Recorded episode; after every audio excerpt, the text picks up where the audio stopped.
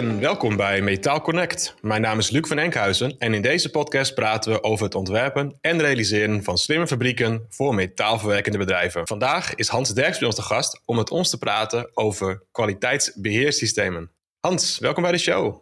Hallo Luc, uh, dank voor de uitnodiging. Voor mensen die jou voor het eerst net ontmoeten, uh, kun je kort vertellen over wie je bent en wat je zo doet? Ja, zeker. Uh, mijn naam is Hans Dirks dus. Ik ben verantwoordelijk voor de Europese business van HiQA, High Quality Automation. En wij ontwikkelen een quality management systeem specifiek voor de maakindustrie. Oké, gaaf. En kun je de, de luisteraars misschien vertellen in een kort verhaaltje hoe jij in jouw huidige rol terecht bent gekomen? Ja, het, het, het, heeft al wat, wat uh, jaren geduurd voordat ik hier uitgekomen ben. Inmiddels uh, al 59, dus dat kan een lang verhaal worden. Maar om het kort te maken, ik heb mijn opleiding in de werktuigbouwkunde en technische informatica. daarna ben ik in de CAD-CAM-wereld gerold, dus meer de ontwerp- en, en programmeerkant van de maakindustrie. In de kamwereld uh, heb ik bij verschillende bedrijven gewerkt die kamsystemen in de markt zetten. bij Catmes, bij CNC Consult. En bij CNC Consult was de oplossing van HiQA ook onderdeel van mijn portfolio. En sinds 2019 ben ik exclusief werkzaam voor HiQA uh, om hun uh, oplossing in Europa uh, wat, wat, wat breder weg te zetten. Ah, oké, leuk. Dus echt uit de praktijk gegroeid, vanuit de metaalwereld doorgegroeid naar nu jouw rol als. ja, zeker. Maar dat is ook het mooiste, denk ik. Hè? Dat, je, dat je op basis van de ervaring, de jarenlange ervaring die je opdoet, daar ook ja, de, de, de, de, de, de problemen, de pains, zeggen ze dan, van de bedrijven goed snapt. En ook snapt welke oplossing daarbij hoort. En ja, ik, ik, toen ik voor het eerst kennis gemaakt heb met de oplossing van HiQA, had ik meteen zoiets van, nou, dit, dit is eigenlijk weer een van die oplossingen die uh, best wel uh, een verschil gaat maken. Uh, omdat er tot nog toe eigenlijk weinig oplossingen zijn. En dit is eigenlijk precies wat de kwaliteits afdeling of het kwaliteitsproces binnen een maakbedrijf nodig heeft. Oké, nou, uh, leuk onderwerp om op aan te haken, want we gaan natuurlijk vandaag uh, ook hebben over kwaliteitsbeheersystemen. Uh, we hebben elkaar natuurlijk ontmoet bij de, de Technisch Show. Toevallig ja. eigenlijk we gedaan, ik aan een tafel gestaan en dat we een gesprek raakten. Ja. En ja, en wat voor mij redelijk nieuw was en inspirerend was, was hoe breed het vakgebied van kwaliteits beheersysteem eigenlijk ontwikkeld is in de afgelopen jaren. Uh, ik denk dat veel bedrijven die, die werken wellicht wel enigszins met een kwaliteitsmethodiek. Uh, maar jullie hebben daar bij HiQ een andere aanpak voor. En dat is dan heel, ja, heel technologie eigenlijk wereld. Dat noem je dus mm QMS-systeem, als ik het goed zeg. Ja, um, en daar wil ik het even over hebben. Dus uh, kun jij misschien beschrijven wat het probleem is dat bedrijven ervaren en hoe uh, QMS-software, en in dit geval jouw software van HiQA, daar een oplossing voor biedt? Ja, ik zou bijna willen zeggen, heb je even, want daar kunnen we natuurlijk wel, wel uren over praten. Maar uh, ja, wat, wat wij tegenkomen in, in de maakbedrijven, traditioneel, en daar heb ik het over wat kleinere bedrijven, daar is eigenlijk de kwaliteitsafdeling, is, is, zoals we het dan zeggen, een, een go-no-go department. Hè. Er wordt een onderdeel gemaakt, het onderdeel wordt aan het einde aangeboden aan de kwaliteitsafdeling, die controleert het en zegt van ja, het is goed of het is fout. Ja, eigenlijk heb je daar helemaal niks aan. Hè. Het is, het is achteraf. Het kwaad is al geschied. Uh, je hebt er al heel veel tijd en energie en dus geld ingestopt. En kom je erachter achter dat je een fout gemaakt hebt. Los van de vraag dat je dan een leveringsprobleem hebt, want het product had eigenlijk al bij de klant uh, moeten zijn. Um, wat we steeds meer zien, gelukkig, en, en wat wij dus ook faciliteren, is dat je eigenlijk alle afdelingen, alle mensen betrekt bij dat kwaliteitsproces. En dat begint al bij uh, de engineer. Uh, die moet goed nadenken over is het te controleren, hoe is het te controleren. Werkvoorbereiding is erbij bij betrokken.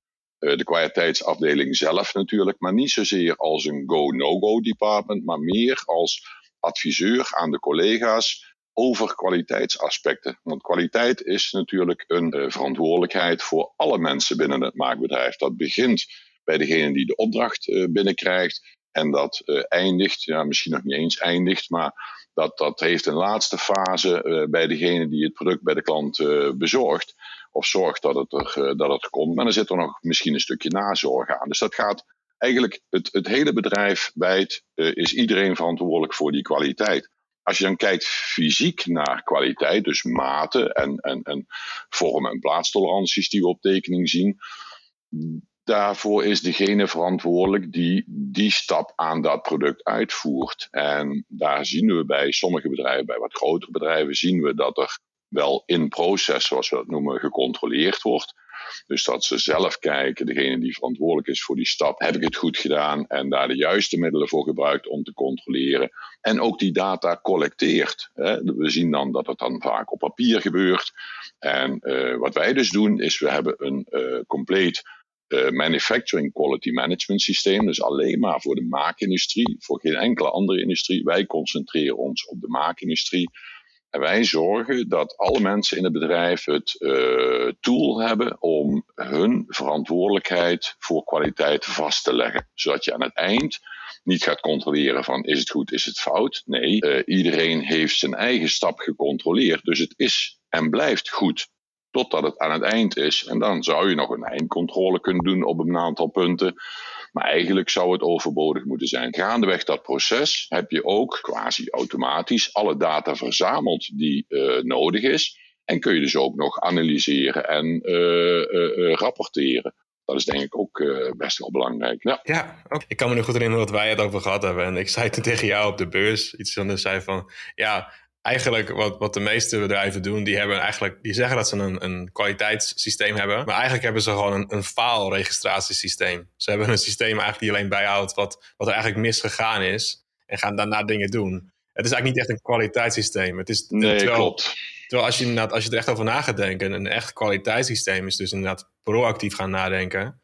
Over, uh, dus preventief gaan nadenken over hoe je kunt voorkomen dat dingen fout gaan. Juist. En dat je de meetwaarde eigenlijk vooraf al definieert en de, de, ook eventueel wat breder gezien de ja, dingen die fout kunnen gaan vastlegt. Dus het reactieve is het oude denken en het preventieve is het, het nieuwe denken. En dat is waar je dus een specifieke oplossing nodig zou kunnen hebben voor uh, het beheren van kwaliteit. Uh, ja, dat, dat, dat klopt precies wat je zegt, uh, Luc. Want dat, dat is wel heel belangrijk. Het is zoals mijn collega's in Amerika het zeggen, je moet niet postmortem bezig zijn, hè? dan is de patiënt al overleden. Je moet kijken van, van ja, wat is er gaande en, en wat is de trend? En, en dat zie je wel bij grotere bedrijven. In de automotive zie je dat steeds meer. Ja.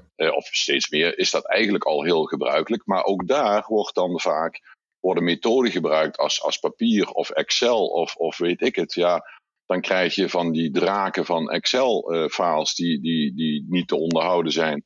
En uh, gaat de collega die de Excel-file uh, eigenlijk een bijna een beetje als hobby gemaakt heeft, vertrekken, ja, dan is je kennis ook meteen weg. Dus dat, dat, dat is geen, geen blijvende oplossing. En dat hebben we dus ook geconstateerd. En, en, en daar hebben we dus ook een uh, oplossing uh, voor gemaakt in de vorm van het quality management systeem. Welke technologieën en systemen vallen een beetje onder een goed kwaliteit management systeem? Dus uh, ik weet, een van de dingen die je doet is dus OCR, dus Optical Character Recognition en Auto Ballooning dat mag je misschien even uitleggen. Maar ik ben dus wat er eigenlijk allemaal nog, meer onder de waai valt van een kwaliteitsmanagement systeem. Ja, we, zien, uh, we zijn begonnen als, als een uh, ballooning tool. En een ballooning tool is eigenlijk uh, ja, een, een, een, een vrij simpele ja, toch heel intelligente oplossing voor het collecteren van alle data die op een technische tekening staat. Technische tekening, als techneuten kunnen wij die lezen, omdat wij afspraken gemaakt hebben uh, wat het betekent wat op die tekening staat, op een 2D-tekening staat.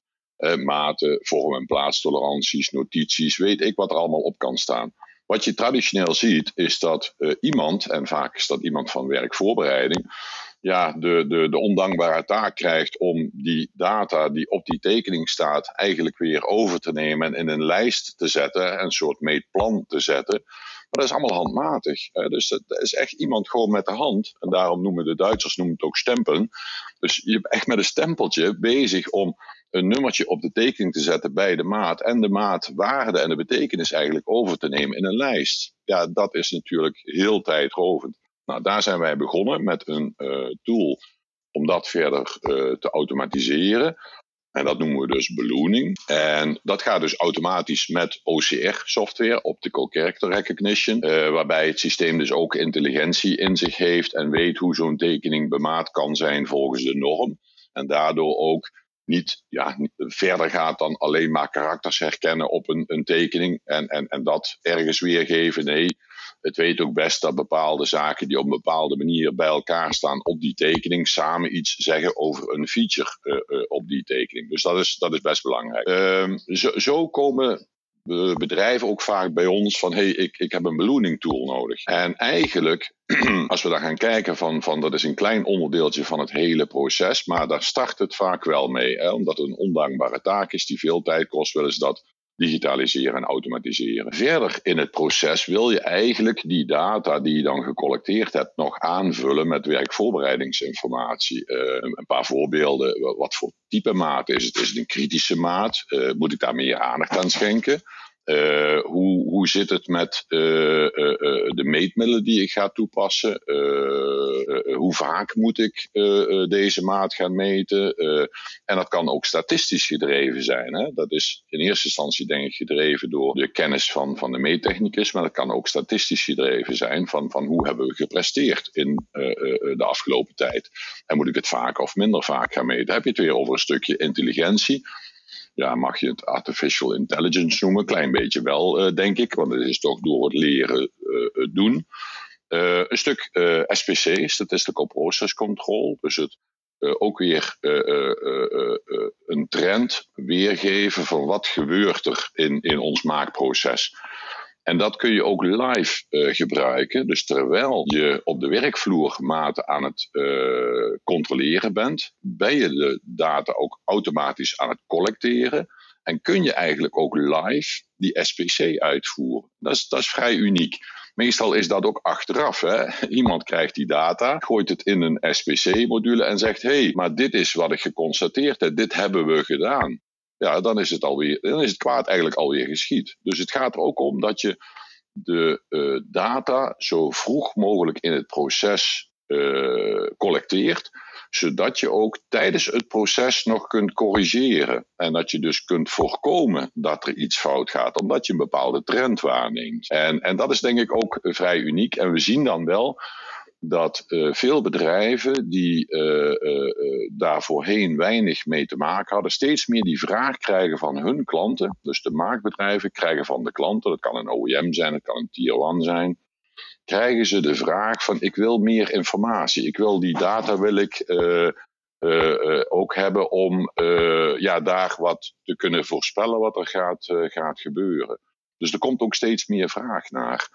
Uh, een ander aspect is natuurlijk dat je ja, de, de mankracht niet hebt. Uh, iedereen, wij ook, zijn op zoek naar, uh, naar nieuwe mensen.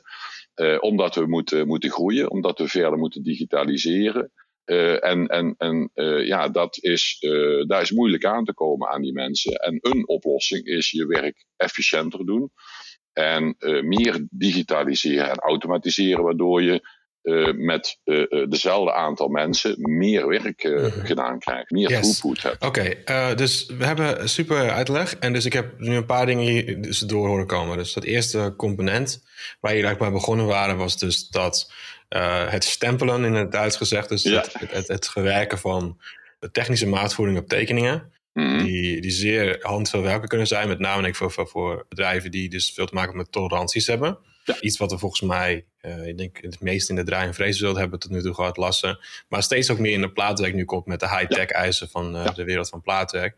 Dus er zitten dus nu mensen dus continu tekeningen te lezen, te stempelen, Excel-lijstjes te maken. Uh, misschien moet dat ook dan in een rapport gezet worden voor een artikelinspectie. Ja. Uh, met allemaal uitleg. En dat proces, daar zijn, dat, dat is eigenlijk waar het mee begonnen is om dat te automatiseren. Zodat je dus die data automatisch in een, in een database kunt opnemen. En daarna ging je dus verder dat je zei van ja, eigenlijk als je die data eenmaal hebt, dan wil je ook te controleren of die data klopt. En het, dan is het helemaal niet slim, denk ik dan, om dan nog alles weer te gaan uitprinten en dan op de werkvloer dingen in te vullen en dan weer dat printje naar kantoor te nemen en dan te zeggen deze is stuk, mag ik een nieuwe. Uh, in plaats daarvan heb je gezegd SPC en is dat dan shop floor control of nee, het is anders? Nee, nee, SPC is Statistical Process Control. Dus dat is meer het analyseren van de data. Uh, wat jij bedoelt is, uh, uh, ja, wij noemen dat shopfloor data collection. De meeste data, ja, dan moet ik een beetje oppassen wat ik daar zeg, maar veel data komt in het proces op de werkvloer naar voren. Iedere, iedereen die iets maakt, die verantwoordelijk is voor een bepaalde stap in het maakproces, controleert zichzelf door een aantal maten te controleren en te kijken, heb ik mijn stap goed gedaan, zodat mijn collega verder kan gaan met de volgende stap. Mhm. En traditioneel wordt er wel gemeten, maar er wordt niks gecollecteerd. Dus alleen die persoon denkt te weten dat hij het goed gedaan heeft. Hij doet het op basis van zijn eigen aannames door die tekening te lezen, uh te controleren. Oh, als ik die maat controleer, dan weet ik wel dat ik het goed gedaan heb. En ik geef mijn product verder aan de volgende, die verantwoordelijk is voor de volgende stap. Wat er nu uh, verandert, is dat je dus vooraf kunt voorbereiden. wat die persoon moet controleren, hoe vaak dat hij het moet controleren, waarmee hij het moet controleren. Mhm. alle, alle aspecten. Dus je gaat hem helpen in zijn werk beter en efficiënter te doen. Plus, uh, je gaat de data die daarbij geproduceerd wordt collecteren. Dus dat je achteraf ook uh, traceable hebt wat er allemaal gebeurd is. Dus wie, wat, waarmee, waar, uh, wanneer gedaan heeft, met welk resultaat. Dat alles wordt, zoals je zei, en dat is een superbelangrijk aspect van het hele systeem. dat wordt allemaal in een database opgeslagen, waardoor alles uh, connected is. Dus alles, alle data hangt aan elkaar en daarmee is het informatie geworden.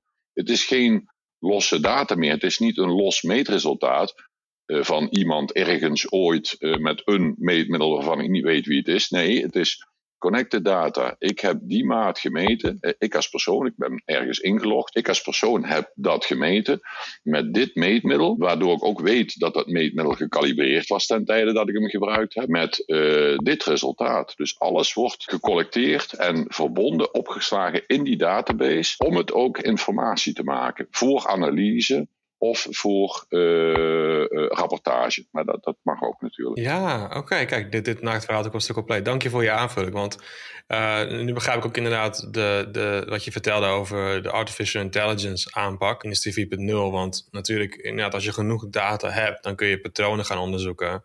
En ook daarop weer preventief op gaan reageren. Als jij continu hetzelfde product zou maken, duizenden oplages, dan een gegeven moment dan zul je dus ook uh, in, die, in de, die meetdata variaties gaan ontdekken. Juist. Uh, continu op dezelfde dag misschien, of bij hetzelfde soort product, of dezelfde machine. Ja, dat klopt precies wat je zegt. Hè? Want als jij inderdaad weet op welke machine het gemaakt is. En zelfs misschien weet, als je dat collecteert, dat hoeft niet, maar dat kan wel. Collecteert met welk gereedschap het gemaakt is. En welke persoon toen aan uh, die machine stond en daarvoor verantwoordelijk is dan kun je dus ook inderdaad daar trends in ontdekken. En kun je dus ook op basis van die data en uh, de trends kun je, geautomatiseerd of niet, correcties doorvoeren. Waardoor jouw proces stabieler wordt. En daar gaat het allemaal om.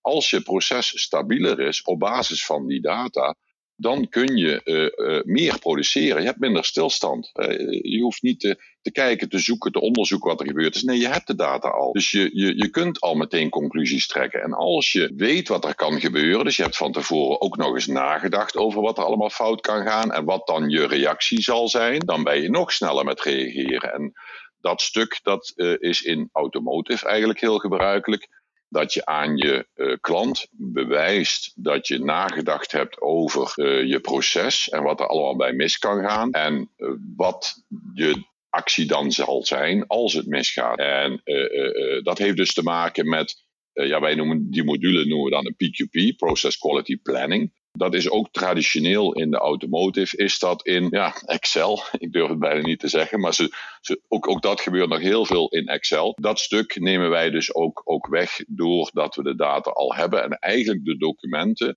de bewijzen al kunnen produceren, omdat we de data in die database opgeslagen hebben.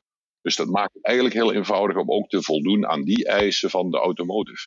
Right. Ik, ik, ik wil even een kleine zijstap maken, om even terug naar die waaier van de technologieën die onder een QMS-systeem moeten vallen. Uh, een daarvan is dus het, het, kunnen lezen van tekeningen. Het, een daarvan is de database. Een daarvan is het opzetten van dus ook de gereedschappen die erbij horen. Dat is een nieuwe die ik hoor. Dus, dus niet alleen uh, wat je moet meten, maar ook hoe je moet meten, met welke middelen en voor wat.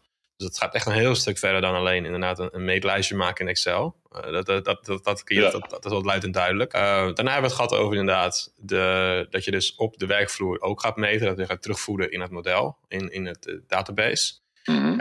en dan hebben we dus de statistical process control waarmee je de analyse kunnen uitvoeren op de data. Dus dat zijn denk ik de, de, de vier, vijf hoofdcomponenten die ieder QMS-systeem moet hebben.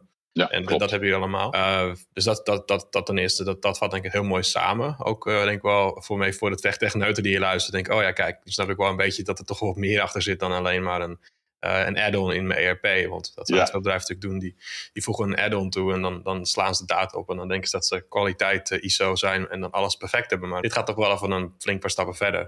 Dat, dat, klopt. Wat je daar net, net zegt, dat is wel heel belangrijk, Luc. Want, want er zijn heel veel bedrijven uh, die ik spreek, ook op de technische waar wij elkaar ook ontmoet hebben. Uh, die zeggen ja, maar dat hebben we al opgelost in ons ERP-systeem. Ja, wat heb je dan opgelost? Want een ERP-systeem is eigenlijk alleen maar een, ja, ik, ik noem het eigenlijk meer een kast waar je, waar, je, waar je data bewaart. Je stopt er data in, maar er zit geen intelligentie in een ERP-systeem. En, en dat hoeft misschien ook niet. Uh, daar is het misschien ook niet voor bedoeld. Maar alleen maar een plek waar je iets bewaart, is geen oplossing. Een oplossing uh, geeft je tools om je werk beter te doen, om, om je inzicht te geven in waar je mee bezig bent. Uh, traceability van wat je allemaal gedaan hebt. En, en zo kan ik nog meer aspecten opnoemen die heel belangrijk zijn, waar in ERP helemaal niks gebeurt. Mensen leggen het vast in een Excel-lijst, uh, maken misschien een PDF, een plaatje ergens van, en dat wordt ergens in het ERP opgeslagen bij dat product en that's it. Dat is geen oplossing. Hè. Dat, is, dat is puur alleen maar uh, uh, documenten bewaren. Eigenlijk meer een documentbeheersysteem. Meer is het niet. Niet, niet dat ik een ERP-systeem af wil kraken. Verre van dat. Hè. Begrijp me goed. Maar het, het proces, het kwaliteitsproces gaat veel verder dan dat. En Industrie 4.0 gaat nog veel verder dan dat. Industrie 4.0 is, is, is, is een, een, een containerbegrip voor verschillende systemen die efficiënt samenwerken, zodat mensen de data kunnen delen en, en beschikbaar hebben uh, voor het doel waar zij het voor willen gebruiken op het moment dat ze het nodig hebben, op het moment dat het betekenis heeft. Daar gaat Industrie 4.0 over. En, en, en dat wordt, dan wordt er dus een, uh, horen er uh, oplossingen bij uh, voor de diverse uh, aspecten van het maakproces. Hè. Een CAM-systeem, een CAD-systeem, een ERP-systeem, een PLM-systeem en een quality management systeem. Dat is een wezenlijk onderdeel van de totaaloplossing die in een smart factory thuis hoort. -hmm. Absoluut. En uh, ik ben het helemaal met je eens op de punten die je maakt over uh, dat Industrie 4.0 het gebaseerd is op een aaneenschakeling van specialistensystemen. Dat, uh, dat herhaal ik vaak in mijn, mijn schrijven en ja. in, in, afleveringen. Ik had vorige week ook een interview met Wim Dijkgraaf. die heeft ook een software, maar dan in de cloud, een software as a service voor het offereren van producten, dus een quotation software. Ja. En, en, dat is ook weer zo'n mooi voorbeeld inderdaad. Bij het maken van offertes heb je ook te maken met toleranties wat ik daar uit het gesprek meegekregen heb, wat ik wel interessant vond, en wat ik ook aan jou vraag hoe jij naar kijkt. We kwamen tot het, tot het onderwerp en de conclusie dat eigenlijk ieder systeem moet een beetje een stekkerdoos hebben, een standaard stekkerdoos, een API, ja. uh, om aan te kunnen sluiten. En dat moet de focus zijn van ieder bedrijf, dat die stekkerdoos zo goed mogelijk in elkaar zit, zodat je vervolgens uh, met, met tientallen derden uh, daar zelf iets op aan kunt schrijven. Hoe kijk jij daar tegenaan? Ja, ik ben het er 100% mee eens. zeer belangrijk. Kijk, wij, wij zijn specialist op het gebied van een quality management systeem. Iemand anders is specialist op het gebied van uh, uh, een quotation systeem. Waar het om gaat, is dat wij ook die data weer met elkaar delen. En toevallig dat ik gisteren in een gesprek met, met een bedrijf, die hadden het er ook over. ik had daar een demonstratie gedaan van ons systeem. En, en de eigenaar van het bedrijf die zei: Maar Hans, zou ik dat ook kunnen gebruiken voor mijn calculatie? Zeg ja, ons systeem aan zich niet, maar de data die wij collecteren van die tekening, zeker wel. En uh, zeg mij wat voor informatie je nodig hebt. En wij kunnen de data uit ons systeem uh, beschikbaar uh, stellen voor een ander systeem of, of, of voor je eigen calculatiemethode. Ik weet niet hoe je dat doet, maar daar gaat het wel om. En ook wij hebben een open API, een Application Program Interface, om te zorgen dat de, de klant of, of, of de applicatieprogrammeur van de klant uh, de systemen die zij gebruiken aan elkaar kunnen uh, uh, verbinden. En dat ze dus ook geïntegreerd gebruikt gaan worden. De data delen waar het nodig is. En gebruik maken van de expertise van het andere systeem. Zeer belangrijk. Ja, oké, gaaf. Dank je voor, voor de bevestiging van mijn vraag achter de vraag. Inderdaad, of jullie een open eh, API hebben, een aapje, API, API. Dat is super. En dat is ook heel belangrijk inderdaad. Dus dat, dat bevestigt ook inderdaad de, de, de aanpak inderdaad. Want daardoor is het te integreren in het totaalproces. laten we nog even een stap naar verder gaan. Want ik had het ook met eerdere gasten over het belang van waar, waar we naartoe gaan met de, met de markt, gaande met het, uh, hoe wij met elkaar samenwerken. De keten, de supply chain. Er zijn twee componenten. Wat heb je nodig en wat zijn de dingen die erbij horen aan informatie natuurlijk? Wat heb je nodig? Beschrijft het product, het model, een 3D-model eh, tegenwoordig is nu toch wel meer de norm aan het worden, gelukkig. Maar wat we ook zien natuurlijk is natuurlijk ook model-based definition of product manufacturing information. Dus de PMI noem je dat, dus NDB en PMI. Dus dat betekent dat je al die dingen, al die toleranties in het 3D-model gaat zetten. Uh, en ik vroeg me af hoe, hoe jij ernaar kijkt. Denk je dat dat op korte termijn uh, toegepast gaat worden? Is dat iets wat ook bij, bij kwaliteitsmanagementsystemen aan de orde is en steeds meer gaat worden? Wat, hoe, kijk je daar tegenaan? Ja, de, eh, we horen het steeds meer. Uh, sterker nog, wij hebben daar al een oplossing voor, voor gemaakt. Dat is een, een aantal jaren geleden is dat gestart. ik weet niet of, of het gestart is bij ASML, maar ze zijn in ieder geval wel een van de grote aanjagers. Uh, ook omdat zij eigenlijk uh, tijd willen besparen, uh, denk ik, op het engineeringproces. Dus dat ze niet meer de tijd willen nemen om 2D uit te detailleren. En ik, ik geef ze daar groot gelijk. De wereld is 3D en die moet ook 3D houden. We, we hebben nu de middelen om 3D, in 3D met elkaar te kunnen communiceren. we hoeven niet meer alles te vertalen in 2D en aanzichten en tekeningen met maten en toestanden. Dat is eigenlijk niet meer nodig. Uh, maar, een hele grote maar. Uh, de maakwereld, de maakindustrie, alle suppliers waar ASML eh, zo graag gebruik van maakt, die werken intern nog eigenlijk allemaal met 2D. En al hun interne systemen, bijna al hun interne systemen, zijn gebaseerd op 2D. Ontwerp, engineering zie je veel 3D.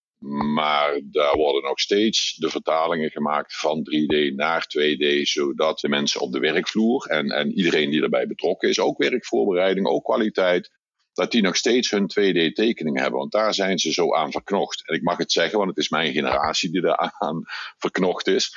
Ik denk niet dat de jeugd daar aan verknocht is. Ik denk dat de, de, de nieuwe engineer, de, de nieuwe vakman, uh, dat die zegt van ja, maar jongens, waarom moet dat nog op die tekening? Dat, dat hoeft toch niet? Alles kan 3D zijn. Ik heb een vijfassige machine die ik met een prachtig CAM-systeem uh, in 3D kan programmeren. Uh, waarom heb ik die tussenstap in 2D nog nodig? Ik geef iedereen daar gelijk. Alleen voordat we dat veranderd hebben, dat zal niet van vandaag op morgen gaan. Uh, en als ik zie hoe lang het duurt voordat de bedrijven die dus traditioneel gericht zijn op 2D-informatie omgevormd zijn naar 3D, ja, dat gaat nog wel een tijdje duren is mijn persoonlijke mening hè, en mijn persoonlijke ervaring. Maar ik, ik, ik wil daar heel graag komen. Ik denk dat we die tussenstap van 2D moeten, moeten vermijden. Het kost alleen maar tijd. Het is een bron van fouten.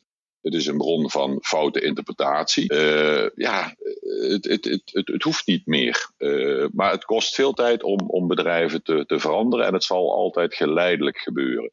Wij hebben al een oplossing. Wij kunnen 3D-modellen uh, modellen met uh, PMI inlezen en uh, die net zo verwerken als dat we een 2D-tekening verwerken. We hoeven dan zelfs geen OCR meer toe te passen, want de maat is, is, is niet in pixels op tekening weergegeven, maar de maat is met semantisch in een 3D-model met PMI weergegeven. Dus wij kunnen die semantische informatie lezen en gebruiken voor het kwaliteitsproces. Voor de rest blijft het hetzelfde, want het is alleen maar een andere manier van data uh, in ons systeem krijgen. Of van 2D met OCR, of van 3D met PMI lezen en, en ook in die database uh, stoppen. Dus dat, dat blijft hetzelfde. Uh, maar het gaat er zeker naartoe en ik, ik, ik kan niet wachten tot het zover is. Wat gaaf. Ja, in ieder geval, bij jullie ligt dus niet de bottleneck bij het kwaliteitssysteem. Nee, dus daar wordt het inderdaad wel opgenomen. En dat is super om te horen. Ja, dat, want, want je ziet dat wel vaak bij bedrijven nu, dat ze dus een beetje worstelen met die informatie die ze dan krijgen. En ik zal niet zeggen dat het een dagelijks gesprek is met, uh, met, met bedrijven, maar wel heel vaak. Uh, dat ze dus een 3D-model met PMI aangeleverd krijgen en eigenlijk niet weten wat ze ermee aan moeten. En wat er nu eigenlijk gebeurt in de praktijk is uh, dat het vaak in een viewer bekeken wordt. dus ook weer zonder enige intelligentie. Die viewer is alleen maar om iets te bekijken, het 3D-model te bekijken in al zijn van al aanzichten en daar de maten in te kunnen beoordelen. Ja, en dan wordt daar vaak een, een, een, een, PDF van ieder view gemaakt waar de maten in staan. En dat wordt dan als een ja, quasi 2D-tekening gebruikt. Dus ja, dat. En, en ze moeten wel, want er zijn nog te weinig tools die daar wel in kunnen ondersteunen. En nogmaals, wij hebben er wel een oplossing voor. Maar wat je ook vaak ziet, is dat, dat er toch nog ja, ook kennis bij de engineers ontbreken van hoe ze dan het best die maten in dat 3D-model kunnen weergeven. Uh, want ja, soms staan de maten in bepaalde views nog, ja, als je er een bepaalde stand naar kijkt, over elkaar heen. Ja, ga je dat in 2D bekijken, ja, dan worden beide maten weer onleesbaar. Dus dat zijn van die hele praktische problemen waar ze tegenaan lopen, wat dan ook weer teruggekoppeld moet worden, wat de engineer moet leren, hoe die dat dan moet doen. Dus het is echt een, een, een nieuw leerproces hoe we daar met z'n allen mee om moeten gaan. Ja, absoluut. Een mooi voorbeeld inderdaad. Want inderdaad, als je net. Kijk, je, je stel je voor, je gaat dan denk je, oh, we gaan helemaal volledig 3D met, met tablets werken in een fabriek. En dan krijg je, ga je dus aan de gang met zo'n uh, met zo'n 3D-model met maatvoering erin. Ja, dan zie je dus echt zo'n zo staan in, bij zijn werkplek, zo'n lasser. En die zit dan in zo'n kleine tablet met zijn met vette vingers op het scherm te schuiven, in te zoomen. En dan probeert hij die, die toleranties een beetje te bekijken. En iedere keer als hij hem verder draait, dan schuift die ene maat net weer achter die ander. En dan, het is, ik, ik, heb het, ik heb het zich, uh, ja, dat is volgens mij niet helemaal de bedoeling van, van model-based definition. Nee, uh, nee, nee. Je, je, schetst het wel heel mooi uh, en, en, en je trekt het misschien ook wat extreem. Ja, tuurlijk. Maar, het is ook een beetje maakt, entertainment hier natuurlijk. Ja, zeker. Nee, maar dat ja. maakt de zaak ook, ook wel duidelijk. Ik doe dat zelf ook graag. Een beetje overdrijven, ja. een beetje erger maken, zodat wat duidelijker en ook blijft hangen van wat eigenlijk het euvel is. Maar je omschrijft het wel goed, want ja, punt 1, die vakman die is niet gewend aan 3D. Die is een tekening gewend die die kan ophangen en bekijken.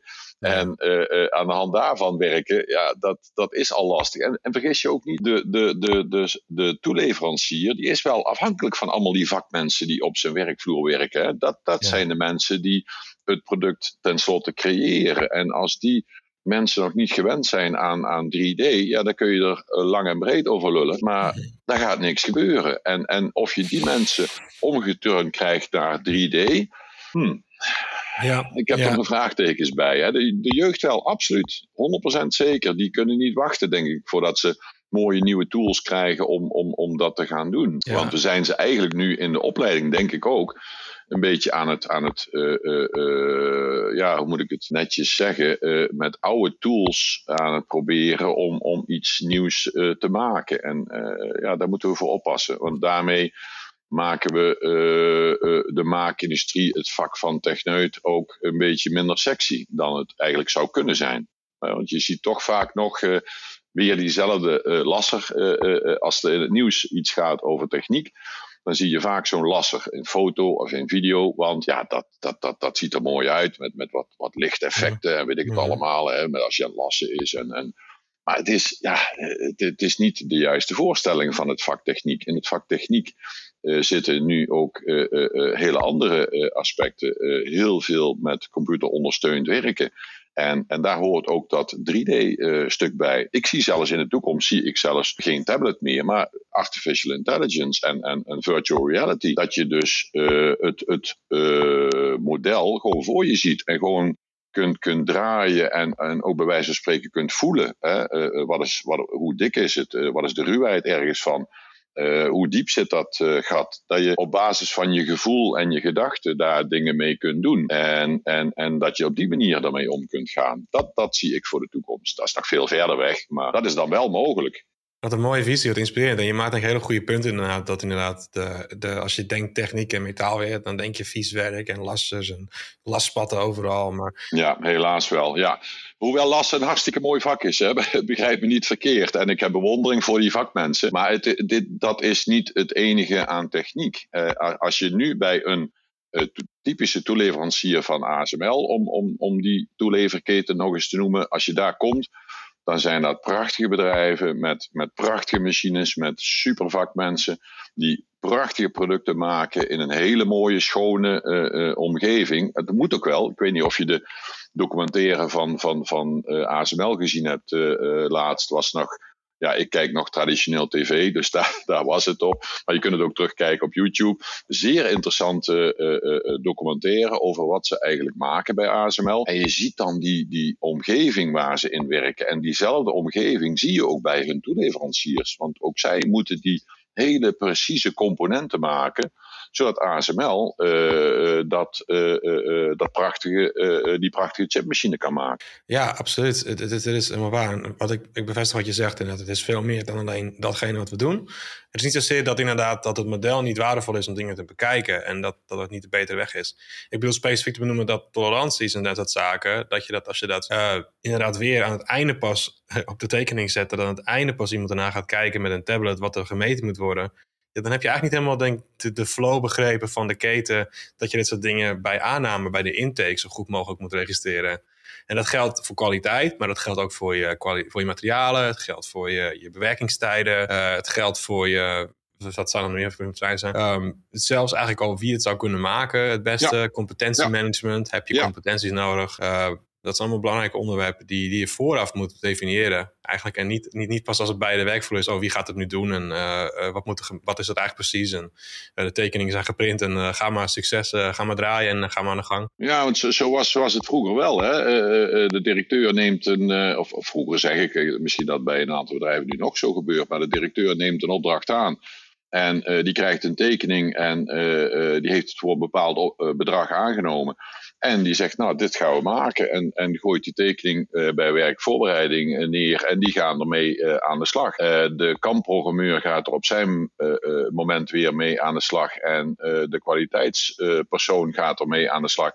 Wat, wat eigenlijk de bedoeling is, dat je vooraf daar met z'n allen, alle mensen die ik net genoemd heb, eigenlijk samen gaat zitten en kijkt, oké, okay, wat, wat zijn nou de aspecten aan dit product? En als je daar tools bij kunt gebruiken die jou meer informatie geven waardoor je betere beslissingen kunt nemen, kun je dus je hele proces wat er achteraan komt, van het moet beginnen, veel efficiënter en veel goedkoper uh, en veel sneller dus uitvoeren. Daar heeft iedereen voordeel bij. Dus dat, dat is denk ik wel, wel essentieel, dat je de juiste tools op het juiste moment inzet. En wat jij ook zegt, dat je dus aan het begin er al goed over nadenkt. Hè. Voordat je met je werk begint, ga je eerst goed nadenken van hoe gaan we het doen, wat zou ik tegen kunnen komen, wat ga ik dan doen, hoe gaan we dat oplossen.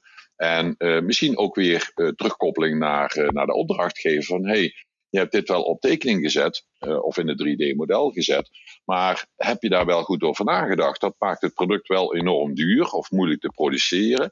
Dat soort zaken, dat soort aspecten. Dat, dat is heel belangrijk om daar vooraf goed over na te denken. En niet tijdens het proces. Dan ben je eigenlijk al te laat. Ja, ja ik word hier reuze enthousiast voor. En dit is een geweldig gesprek. Uh, weer allemaal weer terug naar het vorige voorbeeld van de, offerte stadium. een argument kan zijn, ja, we kunnen geen automatische offertes genereren. Of we kunnen geen uh, portaal online zetten, want we hebben veel toleranties. Dus we moeten nog alles automatig doen. Nou, dit is even zo'n voorbeeld van als je inderdaad dan wel die infrastructuur neerlegt, de middelen in huis houdt die dat mensenwerk weghalen, dan is de bottleneck weg. En dan zou je dus ook dat andere gigantische probleem wat je hebt, dat je al die effects met hand moet doen, ook kunnen oplossen door uh, het toepassen van de juiste middelen en dus, dus die flow kan digitaliseren. Absoluut. Uh, wellicht dat je nog wel moet checken even, maar dan is in ieder geval 80, 90 procent van wat je normaal op matig allemaal moet doen, pdf je downloaden, dingetjes erin nakijken. Dit is allemaal al voor je gedaan natuurlijk. Juist, juist. Uh, en dat, dat maakt het natuurlijk super. Uh, ik vind het echt een heel leuk gesprek. en ik hoop dat andere luisteraars ook hierdoor geïnspireerd zijn geraakt over het onderwerp. Is er nog iets wat, je, wat ik vergeten ben te vragen? Of iets wat, wat voor jou als iemand die in de kwaliteitsbeheerswereld zit mee wil geven aan de luisteraars? Ja, ik denk wat, wat heel belangrijk is, wat, wat, wat sommige bedrijven wel eens afschrikt, misschien juist in deze tijd van, ja, ik heb geen tijd om, om, om dit in te voeren. of het ontbreekt me aan, aan de kennis om dit te doen. weet ik wat voor argumenten er vaak bedacht worden om het vooral niet te doen? Ik denk dat er geen keuze meer is. Ik denk dat we met z'n allen moeten. We moeten eh, zorgen dat we een oplossing bedenken voor minder beschikbaar zijn van, van, van, van vakmensen. dat we de snelheid waarmee producten gemaakt moeten worden ook moeten realiseren. Dus de, de, de doorlooptijd van producten moeten veranderen. En je kunt het alleen maar door verder te digitaliseren en verder te automatiseren. En de kennis van die vakmensen ook in de systemen te borgen, waardoor je die kennis nog steeds gebruikt en, en, en aanvult, maar niet afhankelijk bent van de persoon waar die kennis in zit, hè, die die kennis beheert. Die kennis moeten we meer delen en, en, en ook borgen. Dat is denk ik heel belangrijk. En begin het proces en begin het stap voor stap. Denk niet dat je alles in één keer moet doen. Absoluut niet. Ik denk ook niet dat dat te adviseren is. Stap voor stap. En, maar, maar heb wel een plan uh, hoe je het voor je bedrijf gaat, gaat doen. En of het nou vanuit uh, de directeur geïnitieerd wordt, of vanuit werkvoorbereiding, of kwaliteit, of vanuit de werkvloer, dat maakt op zich niet zo heel veel uit. Maar realiseer je dat je als bedrijf moet digitaliseren en automatiseren. Maak daar een plan voor wat je wil gaan doen, hoe je het wil gaan doen en werk daar stap voor stap naartoe. En dat plan dat zal gedurende de jaren dat je daarmee bezig bent, zal dat veranderen. En dat moet ook, want de middelen veranderen. Dus dat plan moet flexibel zijn. Je moet daar, uh, maar je moet wel een doel hebben uh, waar je naartoe gaat werken. Want anders word je uh, eigenlijk altijd weer overmand door de waan van de dag. En, en aan het eind van de dag denk je, hm, ik heb er weer niks aan kunnen doen. Aan het eind van de week denk je, hé, hey, we hadden toch eigenlijk een plan om wat meer te digitaliseren. En aan het eind van het jaar denk je, nou, we hebben best een goed jaar gehad. Maar ja, zou het volgend jaar ook weer goed zijn? Zouden we aan voldoende mensen kunnen komen? Zouden we aan voldoende middelen kunnen komen? Wat voor eisen gaan mijn klanten allemaal aan mij stellen, waardoor ik nog drukker krijg? Probeer die druk ook door die digitalisering en automatisering uh, wat, wat minder te maken, wat weg te nemen. Heb een plan. Laat je ook adviseren door uh, verschillende mensen die het al eens een keer gedaan hebben, of bepaalde tools hebben, of misschien je buurman die het al gedaan heeft praat daarover en, en, begin met een plan. Ik denk dat dat het allerbelangrijkste is. Begin ermee. Stap voor stap naar een doel werken. Hmm. Oké, ja, super. Dankjewel. Wat een mooie, uh, geweldige uh, advies. En ik, hoop dat het aankomt bij een medig ondernemer. Uh, daar sluit ik me mee aan. Super. nou, we hebben het begin gehad over HiQA. waar kunnen mensen wat meer te weten komen over wie jij bent, wat je doet en het product wat je momenteel verkoopt, aanbiedt in de markt. Ja, zeker. Uh, nou, eh, zoals gezegd, HiQA heeft het hoofdkantoor in, in Amerika, in New Jersey. Daar hoeven ze niet naartoe te gaan. Maar op de website kunnen ze natuurlijk heel veel informatie vinden. hiqa.com, HiQA van High Quality Automation.com. daar vind je verschillende brochures, video's over ons systeem, wat ons systeem kan en doet. Ook over verschillende aspecten waar we het over gehad hebben daar verschillende uh, modules voor. Ze kunnen natuurlijk ook uh, altijd contact met, met ons opnemen. Mijn e-mailadres is h.dirks.com. Daar kunnen ze altijd een berichtje naartoe sturen. Ik wil iedereen, met iedereen daar graag over praten. We kunnen een online demonstratie verzorgen van onze oplossing. Praten over wat de behoeftes zijn bij de verschillende bedrijven. En uh, kijken hoe we daar uh, die behoeftes kunnen, kunnen invullen. Om, zoals gezegd, ook bij, bij hun bedrijven die eerste stappen te zetten om verder te digitaliseren en automatiseren. Ook op kwaliteitsgebied. zorg ook dat, dat kwaliteit een belangrijk aspect is. En dat het geen bottleneck hoeft te zijn. Zorg dat het een bron van informatie is. En misschien ook een, of misschien laat het ook een visitekaartje zijn van kijk, zo pakken wij kwaliteit aan laat aan je klanten zien dat je kwaliteit zeer serieus neemt en dat je daar ook in investeert in kwaliteit. Ik denk dat dat ook een belangrijk uh, uh, gegeven is. En ik, uh, ik hoop dat dat mag inspireren tot actie. De, ik zal de informatie van HiQA en Hans ook in de show notes opnemen van deze aflevering. Uh, dus dat kun je ook alles nog rustig teruglezen en alles gewoon aanklikken. Ik denk dat we het einde zijn gekomen in deze mooie aflevering. Uh, Hans, ik wil je hartelijk bedanken voor je deelname en uh, je fantastische input erop. Dankjewel, Luc. ik vond het een hartstikke mooi gesprek en altijd interessant om, om dit soort gesprekken te voeren. En, en zo zie je maar hoe een toevallig gesprek op de Technishow uh, kan leiden tot een uh, nog interessanter gesprek later. ja, super. Ja, eerst heb ik het ook ervaren inderdaad.